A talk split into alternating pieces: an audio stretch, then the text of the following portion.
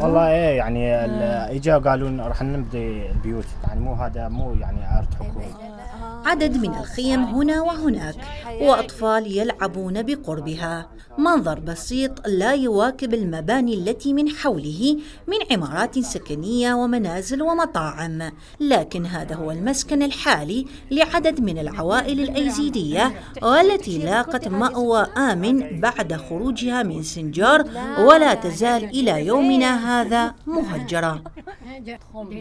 التقينا بسيدة تعيش في هذا المكان منذ ثمان أعوام تحدثت لنا عن مخاوفهم اليوم والتي تتمحور حول التنقل إلى مكان آخر وذلك لأن أصحاب الأرض يودون بناء بيوتهم في هذا المكان. منذ ثمانية أعوام ونحن هنا في هذا المكان. الحياة هنا صعبة جدا. الخيم خطرة ومعرضة للحرائق.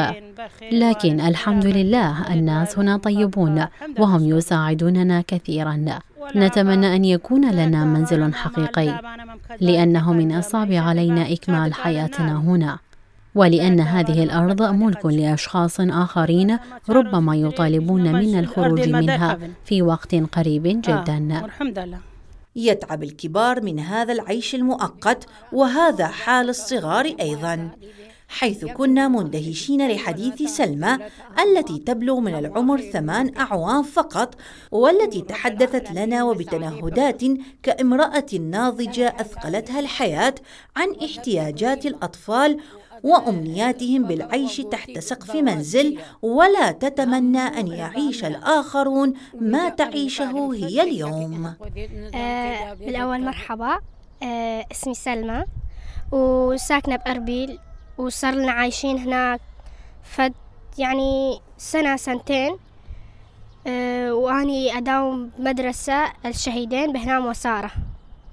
شنو تحتاجون اليوم؟ نفط. ومواد غذائية.